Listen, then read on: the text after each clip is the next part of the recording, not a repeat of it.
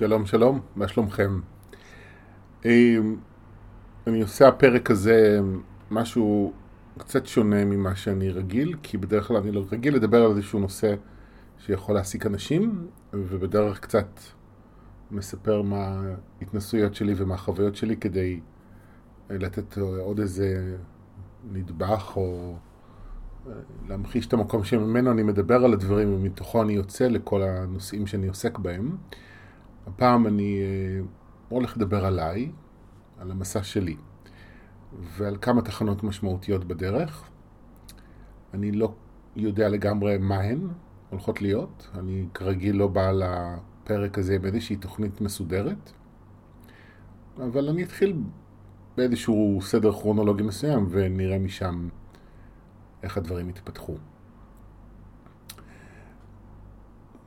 אז אה, אני חושב שהסימנים הראשונים להתעניינות שלי בנסתר התחילו להתעורר אחרי שסבתא שלי נפטרה, הייתי בן עשר וחצי. כשזה קרה היא הייתה דמות מאוד משמעותית בחיים שלי והמוות שלה בא אחרי חצי שנה של התמודדות עם סרטן. וזו הייתה טראומה מאוד משמעותית עבורי וכמה חודשים אחר כך סבא שלי, זאת אומרת בעלה של אותה סבתא, קנה לי, אה, די הגיוני לבקשתי, ספר שנקרא הסיפורים המוזרים ביותר בעולם, שבאותה תקופה היו איזה כמה ספרים כאלה, שאחר כך קראתי את כולם, שסיפרו על אה, סיפורים מוזרים, לא הגיוניים. חלקם מדעיים, חלקם מיסטיים, סיפורים על, אה, אני זוכר, ילד שפתאום לומד, יודע לדבר בשפה שאף אחד מסביבו לא מדבר אותה. אה, אנשים שנעלמו, פיזית נעלמו, אה, בנוכחות של אנשים אחרים, ואף אחד לא יודע להסביר את זה. אני זוכר איזה פרק אחד שם, באחד הספרים על משולש ברמודה. בקיצור, כל המיסטיקה אז התחילה לסקרן אותי. אה, זה היה כזה ניצנים ראשונים שהם אפילו לא היו מוגדרים. את השנים הבאות העברתי בעיקר עם ההתמודדות עם הנטייה המינית שלי והניסיון איכשהו אה, לעשות סדר עם זה או לחיות. זאת אומרת, בהתחלה ניסיתי להילחם בזה, לשנות את זה. באיזשהו שלב כבר, איפשהו לקראת גיל 17 התחלתי אה, לצאת מהארון. וזו נקודה מאוד משמעותית בדרך, כי אחד הדברים שקרו אחרי שיצאתי מהארון, הצטרפתי אה, לקבוצה שהייתה מתקיימת פעם בשבוע נדמה לי, במוצאי שבת בתל אביב, בבית אה, אגודת הלהט"ב. הייתה אז קבוצת אה, תמיכה לנוער גאה, ואני הצטרפתי לקבוצה הזו. התחלתי להיות איזה אקטיביסט צעיר בתחום הזה. ואחרי איזה כמה חודשים, אנחנו מדברים על שנת 93-4. אחרי כמה חודשים התפרסמה באגודה על הלוח מודעות איזו מודעה שזה כתבת מכאן דרום, שזה, אם אני זוכר נכון, מקומון של אה, ידיעות אחרונות, שהיה אולי עדיין קיים באזור יבנה, זה העיר שממנה אני בא, וכל היישובים בדרום, אשדוד וזה. אמ, בטח אני לא מדויק בפרטים, בכל אופן, היא מחפשת אה, בני נוער אה, להט"בים שירצו להתראיין לכתבה על ההתמודדות שלהם בעילום שם. אני שאלתי אז את ההורים שלי אם אני יכול לעשות את זה, הם סירבו. אני התראיינתי בכל מקרה. ללא ספק אחת ההחלטות המשמעותיות ביותר שקיבלתי בחיי. אמ, העיתונאית שקוראים לה יעל, אמ, נוצר בינינו איזשהו קליק, והיא בזמנו למדה לקרוא בקלפי טהרות כדי להשתמש בהם, כדי להכיר את עצמך, לא כדי לדעת עתידות. ובמשך איזו תקופה היינו נפגשים, והייתה עושה עליי אה, סטאז', הייתה כזה מתאמנת איתי. היא עושה לי קריאות, והייתי שואל שאלות, והיא הייתה נותנת לי את נקודת המבט שלה, וזה מאוד אה, מאוד מאוד משך אותי ומאוד מאוד עניין אותי. וכשהייתי אה, כזה לקראת סוף, אה, כמעט 18, נסעתי עם אבא שלי ו... ואחד האחים שלי ללונדון, ושם קניתי חבילה של קלפי טהרות. הקלפים הראשונים שלי. התחלתי ללמד את עצמי לקרוא בעזרת קלפים. הייתי אז בעצם, לדעתי, בכיתה י"ב. כן.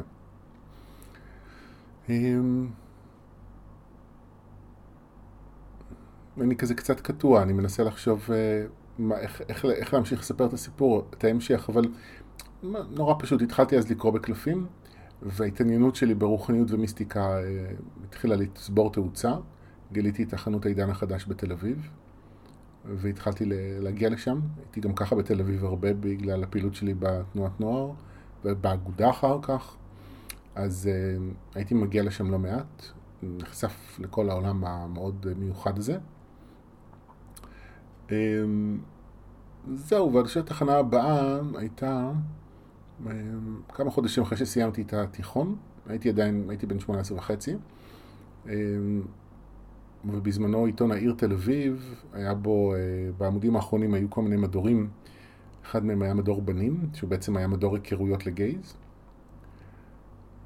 ויום אחד ראיתי שם הודעה, שהנוסח שלה היה פחות או יותר כך: דרושים עשרה הומואים המוכנים לגעת בחבוי, לחשוב מהלב, לאהוב מהראש. נפתחת קבוצה, משהו כזה. עם מספר טלפון. זה, וואו, לא מודע, תכירי אותו, obviously, וואו, תפס אותי בטירוף, התקשרתי, זה המספר של ורדה, מי שהפכה להיות המורה שלי. אמ, הבנתי שיש ערב מבוא שהיא עושה לקראת זה שהיא פותחת אה, קבוצה ל gays. אני באופן אה, ספונטני שאלתי אותה אם אני יכול לבוא עם ידידה שלי, למרות שזה היה ערב מיועד לגברים. אמרה לי שכן, ואז באנו.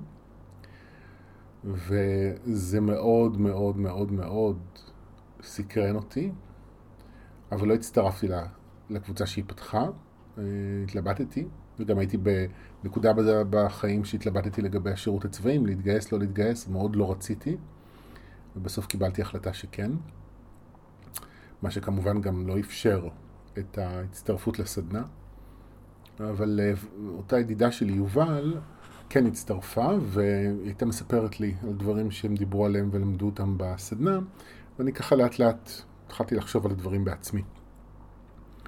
אני זוכר את הטירונות שלי, זה היה איפשהו, ורדה, הייתי בערב מבוא של לדעתי בדצמבר, זה איפשהו במרץ אחרי זה, כשהייתי בטירונות, אחד הדברים שיובל דיברה איתי עליהם זה על השתקפויות, שזה היה מושג שלא הכרתי עד אז.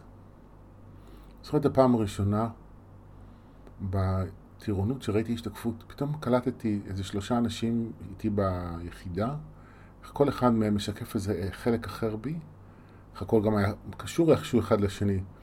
לא כל כך זוכר את, את התכנים, מה בדיוק הבנתי, אבל אני זוכר את הוואו, פתאום לקלוט שהמציאות היא אני, בעצם.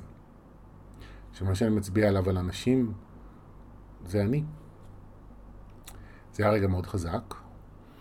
אמ, אבל לשמחתי, אמ, התפקיד שנכנסתי לשרת בו, היה תפקיד כזה שכלל אה, שבוע שבוע, שבוע צבא, שבוע בית. וכשהייתי ביום הולדת 19 שלי, ביום עצמו, שזה היה בשבוע שהייתי בו בבית, קבעתי פגישה עם ורדה, מורה שלי, לאותו יום. כאילו, אז היא לא הייתה מורה שלי, אבל קבעתי את הפגישה. ואמרתי, אני אלך פגישה פרטית, אתן לעצמי מתנה ליום הולדת. אני זוכר מעט מאוד מהשיחה הזו. אני רק זוכר את ורדה מנסה כזה בעדינות לשאול אותי למה באתי, אם יש איזה פחדים שאני מתמודד איתם, ולא כל כך...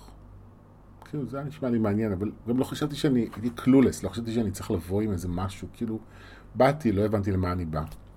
אבל הייתי מספיק סקרן, וחודש אחר כך היא פתחה סדנה נוספת, והסכימה שאני אבוא פעם בשבועיים, וזה מה שעשיתי אה, בכל התקופה שעוד נותרה לי להגיע לשירות הצבאי שלי. וכך התחלתי ללמוד. בהתחלה, בשנים הראשונות ורדה לימדה, הייתה פותחת קבוצה לשלושה חודשים, אז היא הייתה מסתיימת. זה היה מאוד שונה ממה שקורה היום, איך שהיא מלמדת היום, וגם מה שאני מעביר בסדנאות, כי זה היה בזמנו 12 פגישות, כל פגישה נושא מסוים. תהליכים היו, אפשר להגיד, מאוד איטיים, יחסית להיום בוודאי. אז פתאום דיברנו על ההורים, פגישה אחת דיברנו על סודות בפגישה אחרת, הכל כזה, ואז נפתח נושא, ואז הייתי חושב עליו לאט לאט, הכל היה כזה יחסית לאט לאט, לא כמו הקצב האירועים המטורף של החיים שאנחנו חיים כולנו.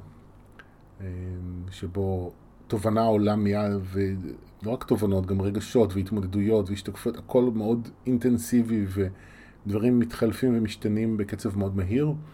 אז, ואני מדבר על מחצית השנייה של שנות התשעים, הכל היה הרבה הרבה יותר לאט. את החלק הזה בסיפור שלי אני משער שחלקכם מכירים, וזה שכמה חודשים אחרי שהתחלתי ללמוד אצל ורדה, היא אמרה לי שהיא חושבת שיש לי יכולת לתקשר, ושלחה אותי, כי מה זה שלחה אותי? היא עודדה אותי לנסות לפתח את זה. אני שלחתי את עצמי לפגישה פרטית אצל מורה לתקשור שהכרתי, שהייתה בזמנו המזכירה של אגודת הלהט"ב, והלכתי אליה לפגישה אחד על אחד, וניסתה ללמד אותי טכניקה של תקשור בטראנס, מה שלא עבד, לשמחתי הרבה. זו טכניקה שאני פחות מתחבר אל הקונספט שלה. אה, ולמרות זאת עוד ניסיתי איזה כמה פעמים עם עצמי, זה לא עבד. פעם אחת נפגשתי עם ורדה לאיזה שיחה של אחד על אחד, והיא אמרה לי, בוא, אני אדריך אותך למדיטציה עם דמיון, ונראה מה, מה, מה, מה יתגלה. מבקש להתחבר למדריכים.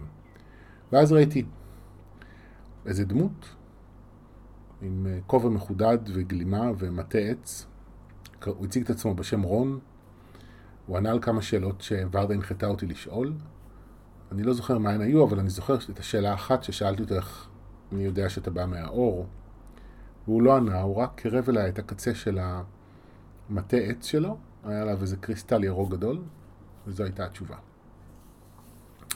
כך התחלתי בעצם אה, לדבר עם המדריכים, זה היה עזרון, ולאט לאט הופיע, הייתה את קרולין, ועוד איזו דמות אחת שאני לא זוכר כבר איך קראו לה, אבל רון בשנים הראשונות היה המדריך העיקרי שאיתו דיברתי.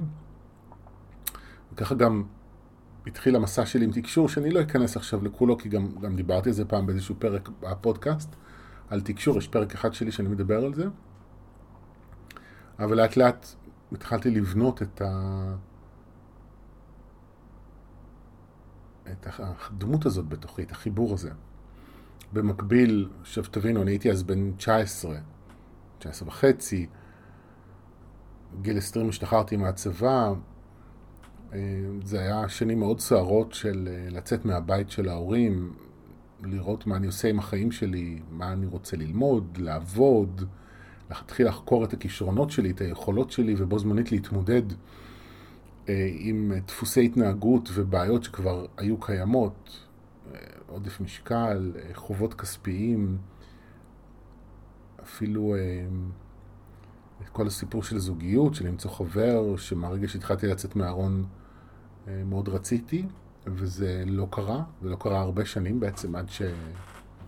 עד שהכרתי את שי כשהייתי בן 30, היה לי חבר אחד אה, לתקופה קצרה של כמה חודשים כשהייתי בן 25. כל ה-12-13 שנה מהיציאה מהארון עד שהכרתי את שי היו אה, שנים של הרבה סטוצים ורומנים, ובעיקר התאהבויות חד-סטריות שלי, אה, אבל שום דבר לא ממש קרה. אז זה היה כזה גם להתמודד עם הדברים האלה, גם לעזוב את הבית של ההורים, למצוא דירה, עבודות, להתחיל לזהות את הכישרונות שלי, לבנות ביטחון עצמי שיאפשר לי לממש אותם ולהרוויח מהם כסף וליהנות ממה שאני עושה בדרך.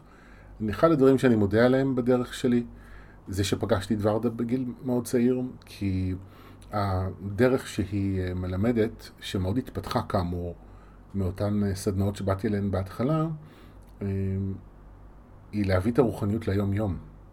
אוקיי, רעיונות מאוד גדולים של אהבה עצמית ו- ואור וקבלה וכו' וכו', איך אני חי את זה ביום-יום, איך אני חי את זה, איך אני מביא אה, ויוצר הרמוניה ושפע ביחסים שלי עם כסף, עם ההורים, חברים, זוגיות, גוף, קריירה, איך אני חי טוב כאן ועכשיו.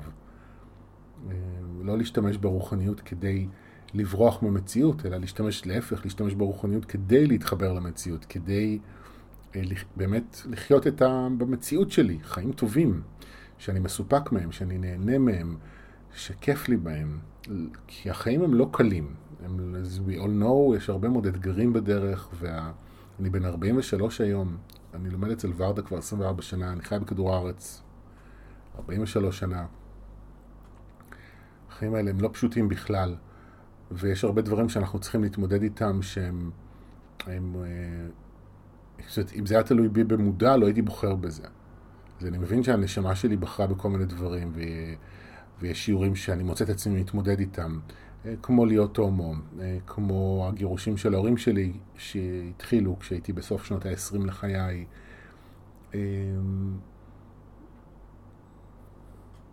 הילדים בבית ספר שהתעללו בי, בבית ספר יסודי ועשו לי את המוות במשך כמה שנים. כל מיני דברים שהם מאוד מורכבים, המוות של סבתא שלי. יש לי חברה מאוד טובה שנפטרה מסרטן לפני חמש שנים. הרבה דברים בדרך, אני נאלץ להתמודד איתם, ואם זה היה תלוי בי, לא הייתי מתמודד איתם. אבל אה, יכולת באמת, קודם כל לדאוג לבסיס, וזה מקומות שיש לנו בהם השפעה מאוד גדולה על, ה, על הרווחה הכלכלית שלנו. על הרווחה הרגשית שלנו, על ההגשמה העצמית שלנו ועל המערכות יחסים בחיים שלנו. זה הבסיס. וככל שאני יותר עושה שלום עם עצמי, אני עושה יותר שלום עם ההורים שלי, עם האחים שלי. לי אין ילדים, אבל אם יש ילדים, וזה כמובן משפיע עוד ועוד על כל תחומי החיים. ואני חושב שאחד הדברים שאני שמח עליהם לגביי, זה שזה מאוד מעניין אותי. זאת אומרת, בשנים הראשונות שלי אצל ורדה אני בעיקר התמודדתי עם בעיות כספיות, שמאוד הכבידו עליי, וזה, וזה היה, אני זוכר איזה רגע כזה בגיל 20, אחרי שיצאתי מהצבא וסגרתי את החשבון אה, בנק שהיה לי בו מינוס. לקחתי הלוואה, סגרתי את החשבון, פתחתי חשבון חדש, הגעתי תוך חודש עוד פעם למינוס. ואז הבנתי שאני חייב לעשות שינוי, ואני זוכר את החוויה המאוד ברורה שאני לא רוצה להמשיך לחיות ככה. אני בא מבית של חובות והלוואות, אה, ובו זמנית גם בית שעושים בו כסף, ואני לא רוצה להמשיך את הדפוסים האלה. זאת אומרת, כן לעשות כסף, אבל כן לחיות גם ברווחה ובשפע. וזה היה הנושא שהתעסקתי בו בשנים הראשונות של שנות ה-20 לחיי. אה, ואני גם זוכר שבמודע חשבתי על זה, ש... אני גם לא סתם בחובות, כי זה נותן לי drive לטפל בעצמי ולחקור מה קורה לי. שיכול להיות שאם לא היו לי בעיות כלכליות, זה לא היה מעיר אותי, לא היה איזה משהו, אוקיי, הייתה סקרנות למיסטיקה וזה, אבל ממש להיכנס פנימה, לפתוח את המקומות הרגשיים הכואבים, לרפא אותם, שזה לא דבר פשוט בכלל, הייתי צריך את המינוס הזה בבנק כדי, ואת הקושי שלי לייצר שפע כלכלי ולהרוויח מספיק כסף וכו' וכו', כדי להיכנס לרוח. אבל לשמחתי זה כבר השתנה במהלך השנים, כי, וזה מה שהתחלתי להגיד מקודם, שאני שמח על עצמי, זה שאני אני מאוד אוהב את זה, זה מאוד מעניין אותי. הפנימיות שלנו, איך אנחנו בנויים, הקשרים בין רגשות, בין התנהגויות, הקשרים, החיבורים בין התמודדויות שונות שיש לי במציאות בתחומי חיים שונים, איך הכל קשור אחד לשני. זה המחקר הזה, זה כמו איזה עבודת בלשות. אני מאוד אוהב אה, תוכניות אה, בלשים למיניהן,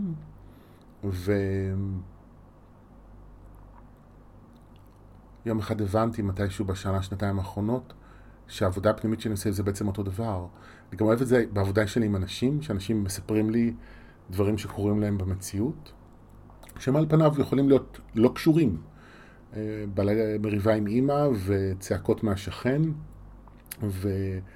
וחוסר הצלחה בקריירה אה, ואיזשהו חוסר ביטחון מסוים, ובן אדם יכול להביא לי לפגישה את כל הקולות הללו, כל החלקים הללו, ההתמודדויות הללו, ובאיזשהו שלב אני אעזור לו לראות איך הכל קשור. אני מת על זה. אחד הדברים שאני הכי אוהב. בתוך, גם לעשות את זה עם עצמי. ואני מאוד שמח על זה שאני אוהב את זה, כי זה עושה את המסע שלי יותר קל. אני לא עושה עבודה כדי להשיג, אה, כדי לשנות את החיים שלי. זה מצחיק מה שאני אומר, כן? כי זה קצת סותר את מה שאמרתי מקודם, אבל המטרה שלי היא לא לחיות טוב, היא להיות חופשי.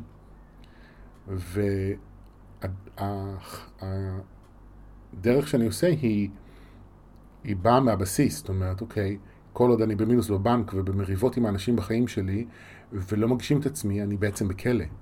אז אם אני באמת רוצה חופש, בואו קודם כל תתחיל לטפל בדברים האלה, ומתוך זה תגיע לליבה של הכלא, שזה הפחדים שלנו והכאבים שלנו והתפיסות המשונות שיש לנו לגבי עצמנו ולגבי החיים. אבל אז המטרה שלי היא לא לחיות טוב, משהו שאני רוצה, ואני מביא את עצמי לזה יותר ויותר, אבל זאת לא הפואנטה, הפואנטה היא חופש. היא להגיע לאיזשהו מצב תודעה שיש לי את החופש להיות מי שאני. ומתוך זה לבחור את הבחירות שהן נכונות למי שאני רוצה להיות. בניגוד לתגובות אוטומטיות של חוסר ביטחון, של אני לא מספיק טוב, של לא מגיע לי, של אני לא ראוי, של פחד ממה יגידו, פחד מכעס, מדחייה, מנטישה, בניגוד לכל זה. וזה בעצם העבודה שאני עושה עם עצמי, וזה גם מה שאני מלמד. אז אני לא יכול להגיד שכל מי שבא אליי, חופש זה הפואנטה של מה שהוא מחפש בחיים. אבל לפחות חלק מאותם, זאת אומרת, כל האנשים שבאים אליי, אני יכול להגיד שלפחות יש בהם חלק שרוצה חופש מסוים, גם אם לא טוטאלי, ומה שאני עושה, גם אם אני קורא לסדנה שלי סדנת חיבור מחדש ואני מלמד אנשים לתקשר, אני בעצם מלמד אנשים חופש. כי גם לאפשר לעצמי לתקשר זה לצאת לחופשי מכלא של פחדים, של אי אפשר, של ספק, של מנגנוני שליטה, ולתת חופש לאיזושהי יכולת שקיימת בתוך כולנו. וגם כשאני מעביר, עכשיו בתקופה הזו אני מעביר את הקורס אונליין על כסף, על ליצור רווחה כלכלית, רווחה כלכלית היא תולדה של מידת החופש שאני חי בה. אז אני לא יכול להגיד, זה לא אה, ביחס של אחד על אחד, שככל שאני יותר חופשי אני יותר מיליונר, כי לכל אחד יש פוטנציאל אחר של שפע כלכלי שהוא יכול ליצור עבור עצמו, אבל כן, ככל שאני נותן לעצמי יותר חופש להיות מי שאני, אז אני יכול גם ליהנות מרווחה כלכלית. כי כסף הוא אמצעי לבטא את עצמי בעולם, וככל שאני מאפשר לעצמי חופש להיות מי שאני ולבטא את עצמי בעולם, אני יכול הרבה יותר בקלות למגנט לחיים שלי וליצור מקורות שמהם אני אקבל וארוויח כסף שישמש אותי להבעה וביטוי עצמי בעולם הזה. אז זה, זה, זה הדבר שמאוד מעניין אותי. אמ, וזה עושה את החיים הרבה יותר קלים, הרבה יותר מעניינים. אמ, גם לא, זאת אומרת, זה יכול אולי אפילו גם לעורר קשיים מסוימים, כי אם אני מודע לדברים מסוימים, אז אני לא יכול להתעלם מהם כמו פעם, אז אני יותר מרגיש אותם. וזה באמת, לרפא את המקומות הפגועים בתוכנו, זה ללכת בניגוד למנגנוני אה, הישרדות שלנו, אוקיי? מנגנון הישרדות אומר בוא נימנע מכאב, והמנגנון התפתחות אומר בוא נרגיש את הכאב, אוקיי? מנגנון הישרדות אומר להימנע מכאב, מנגנון ההתפתחות אומר להרגיש את הכאב. בידיעה שכאב עובר ושעצם ההסכמה לפתוח את הפצע מאפשרת התחלה של ריפוי. וזה לא קל. אבל אני מסתכל על אנשים ואני אומר, א', החיים הם לא קלים לאף אחד, וב', זה לא בהכרח שכל אחד צריך לעשות את מה שאני עושה, אבל כן כל אחד כדאי שהוא יהיה נאמן לעצמו ויבחר לעצמו את הדרך שהיא נכונה לו. כי אם אני, תגידו לי עכשיו אה, אה, ללכת ללמוד יוגה, ושהפרקטיס הרוחני שלי יהיה יוגה, זה נראה לי הרבה יותר קשה מלהרגיש רגשות. יש אנשים אחרים שזה הפוך, הפרקטיס הרוחני שהוא נכון עבורם זה יוגה, ועבורם אה, לפגוש בצורה כל כך ישירה את הרגשות הפגועים שלהם, כמו שאני עושה בדרך שלי, יכול להיות בלתי אפשרי, או קשה מדי. אז גם קשה וקל זה נקודת אה, מוצא, איך מסתכלים על החיים, לתוך מה אני בוחר, את מה שאני בוחר, מי אני בכלל, וכמובן, שאלת השאלות זה גם מי אני רוצה להיות, האם אני רוצה לדעת מי אני, או שאני מסתפק בדברים שאני יודע עד כה. אמ, אני לא יודע איך לספר את הסיפור חיים שלי ב... obviously בחצי שעה, 43 שנים. עברתי הרבה דברים בדרך. אני משער שאני עוד אחיה פה עוד אי אלו שנים, אז בטח אני אעבור עוד. אמ, אבל אני כן יכול לספר לכם שנולדתי בראשון וגדלתי ביבנה רוב חיי עד שעזבתי לתל אביב ואני בן בכור, ההורים שלי כאמור גרושים, יש לי שני אחים, אני בזוגיות כבר 13 שנה, אנחנו נשואים כבר שלוש שנים. אמ, אני מתקשר, אני גם עיתונאי, למרות שהחלק הזה בקריירה שלי הולך ומצטמצם, אבל אני עדיין עיתונאי, אני גם תמיד אהיה עיתונאי, לא משנה באיזה פורמט, גם אני לא ארוויח מזה כסף ישירות. מילים הם הכלי שלי, אני... כל מה שאני עושה, יום אחד הבנתי את זה, שכל מה שאני עושה הוא uh, תקשור, uh, תקשור בעצם. אני לוקח מידע ממקור אחד ומעביר אותו למקור אחר. זה לא משנה אם זה מתואר לבן אדם, או לקבוצה, או ממרואיין לקוראים. כל מה שאני עושה הוא בעצם סוגים שונים של תקשור. אמ, אני יכול לתת לכם אולי לסיום איזה כמה דברים עיקריים שמנחים אותי בדרך, שעשויים לעזור לפחות לחלק מכם בדרך שלכם.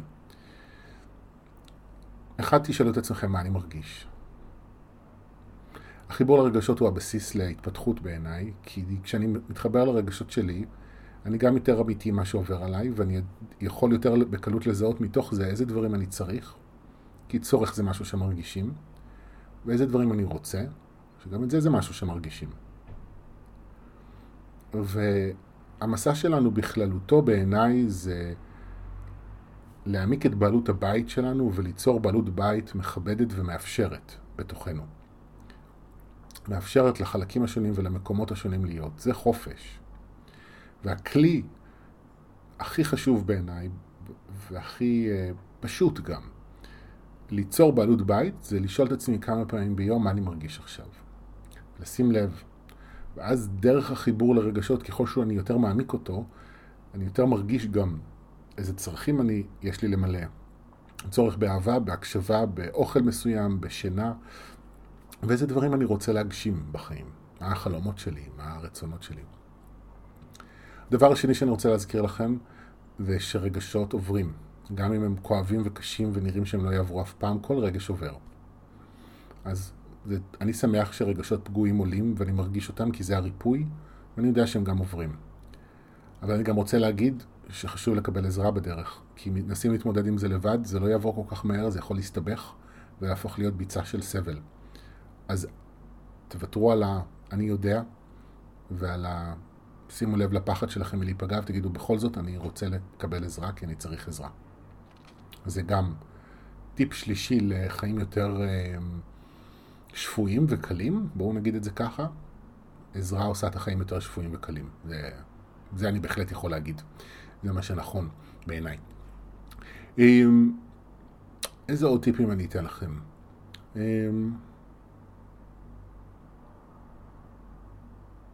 כן, הטיפ הכי חשוב. טוב, אני כל הזמן אומר הכי חשוב על כל מיני דברים, אבל הטיפ חשוב לא פחות, זה תזכרו שכל מה שאתם מזהים באחרים קיים בכם. גם התכונות שמעצבנות את, אה, אתכם באנשים אחרים זה תכונות שקיימות בכם. גם הדברים היפים שאתם אוהבים באחרים קיים בכם. ולחזור פנימה ולהסתכל על עצמי ולבחון את עצמי, את ההשתקפות, מאוד עוזר לחיות בשלום עם עצמי ועם אנשים. ואני תמיד, יש שלוש שאלות לשאול בהקשר הזה. אם בן אדם נגיד אה, יורד עליי, אז אני שואל איפה אני עושה את זה לאנשים, את מה שעשו לי, איפה עוד אנשים עושים לי את זה, ואיפה אני עושה את זה לעצמי. ותחליפו את המילה זה בכל מעשה תכונה. יורד על עצמי, כועס על עצמי, מבקר, שופט, מתעלל, מרביץ. איפה? מתווכח, מתעלם, וכו' וכו'. תמיד תחזירו את עצמכם אליכם, זה לא תמיד קל, זה אחד הדברים שבהם צריך הכי הרבה עזרה. לקלוט את חוק ההשתקפויות, להבין שהדברים הם בתוכי, סיפרתי מקודם על החוויה שלי בטירונות, אבל באמת לקלוט את זה לקח לי הרבה שנים. זה פרקטיס מאוד מורכב לתפוס אותו, כי הוא מוציא אותי מתפיסה אה, דו-ממדית לתפיסה רב-ממדית. וזה מעבר לא פשוט. אז זה גם נקודה שבה כדאי ואפשר לקבל עזרה, יש אנשים שיכולים ממש לעזור לכם בזה. והדבר האחרון, תראו, הדמיון שלנו מאוד מוגבל לגבי מה אנחנו יכולים לקבל וליצור עבור עצמנו. הוא מבוסס על התנסויות קודמות, הוא מבוסס על אה, דברים שלמדנו, הוא מבוסס על האמונות שלנו בחיים ובעצמנו. אבל תמיד אנחנו יכולים לחיות יותר טוב ולקבל יותר ממה שאנחנו מדמיינים. אז תשאירו, תמיד תשאירו מקום להפתעות טובות. תאפשרו למציאות ללמד אתכם שגם אם הדברים לא קורים כמו שתכננתם, הם עדיין יכולים להיות יותר טובים ממה שחשבתם, סליחה, או ממה שהיה נדמה לכם עד כה. אלה נראה לי המסקנות העיקריות שהסקתי מהחיים שלי עד עכשיו, ואם יהיו כאלה חדשות בהמשך, אז אני מבטיח לעדכן. מקווה שהיה לכם מעניין להקשיב. ביי בינתיים.